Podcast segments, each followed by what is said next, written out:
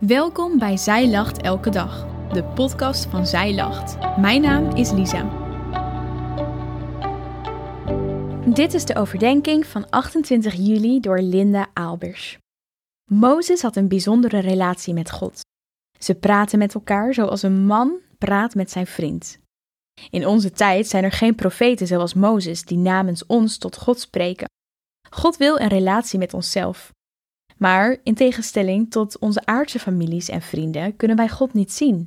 En is Hij geen mens, maar de Almachtige God van hemel en aarde. Hoe ziet zo'n relatie met God er dan uit? God heeft ons geschapen omdat Hij dat wilde. Hij zei: Laat ons mensen maken naar ons beeld, naar onze gelijkenis. En God zag al wat Hij gemaakt had en zie, het was zeer goed. Genesis 1, vers 26 en 31. Hij maakte jou, zodat hij van jou kan houden en een relatie met jou kan hebben. Zijn verlangen is dat jij hem eert, door hem te erkennen als je schepper en vader.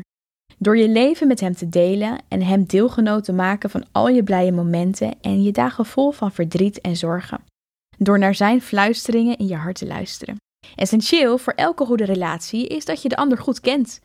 Wanneer je God beter leert kennen, zal de relatie met hem inniger worden. Je leert God kennen door in de Bijbel te lezen over zijn macht, karakter en wonderlijke daden. Door de verhalen over Jezus leren wij ook hoe God is, want Jezus en zijn Vader zijn één. In Exodus 33, vers 18 staat: Wanneer het volk uit ongeduld een gouden kalf maakt om als God te dienen, wordt God zo boos dat hij besluit om niet meer met zijn volk mee te gaan. Mozes zal geschrokken zijn. Hij kan en wil dit niet zonder God doen. Hij wil weten wie God is en wat zijn plan is. Ook wil hij zijn heerlijkheid zien. Hij vraagt dit aan God in Exodus 33, vers 18. Toon mij toch uw heerlijkheid. En dan laat God Mozes zijn heerlijkheid zien. God bedekt Mozes met zijn hand om hem te beschermen tegen de onmenselijke goddelijke kracht van Gods aanwezigheid. En dan roept God uit wie hij is. We lezen het in Exodus 34, vers 5 tot 7.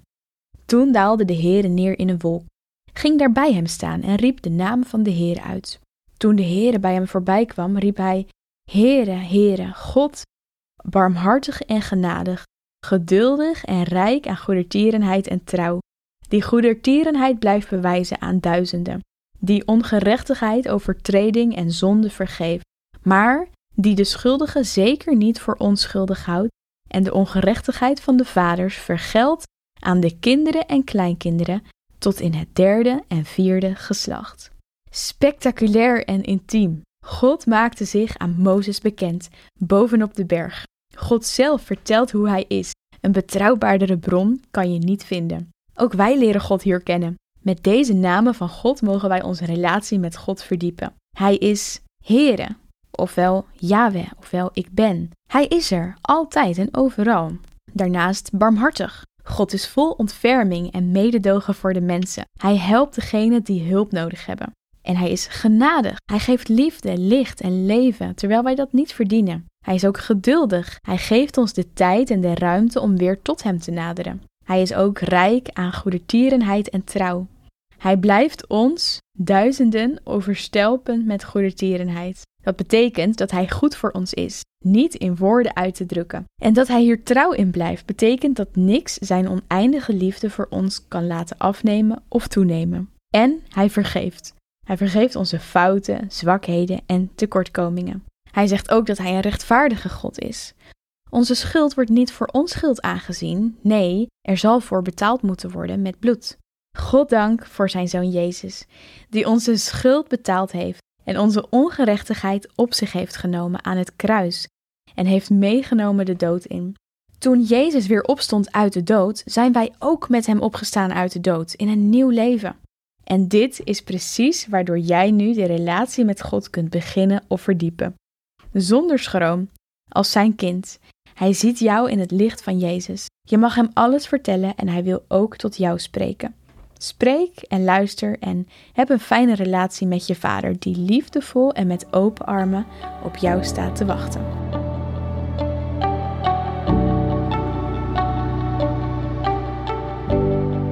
Dankjewel dat je hebt geluisterd naar de overdenking van vandaag. Wil je de overdenking nog eens nalezen? Check dan onze website Je vindt daar ook nog meer toffe dingen die jou helpen om de Bijbel vaker te openen, zoals boeken, Bijbels, cursussen en evenementen. Morgen ben ik weer bij je terug met een nieuwe overdenking. Tot dan!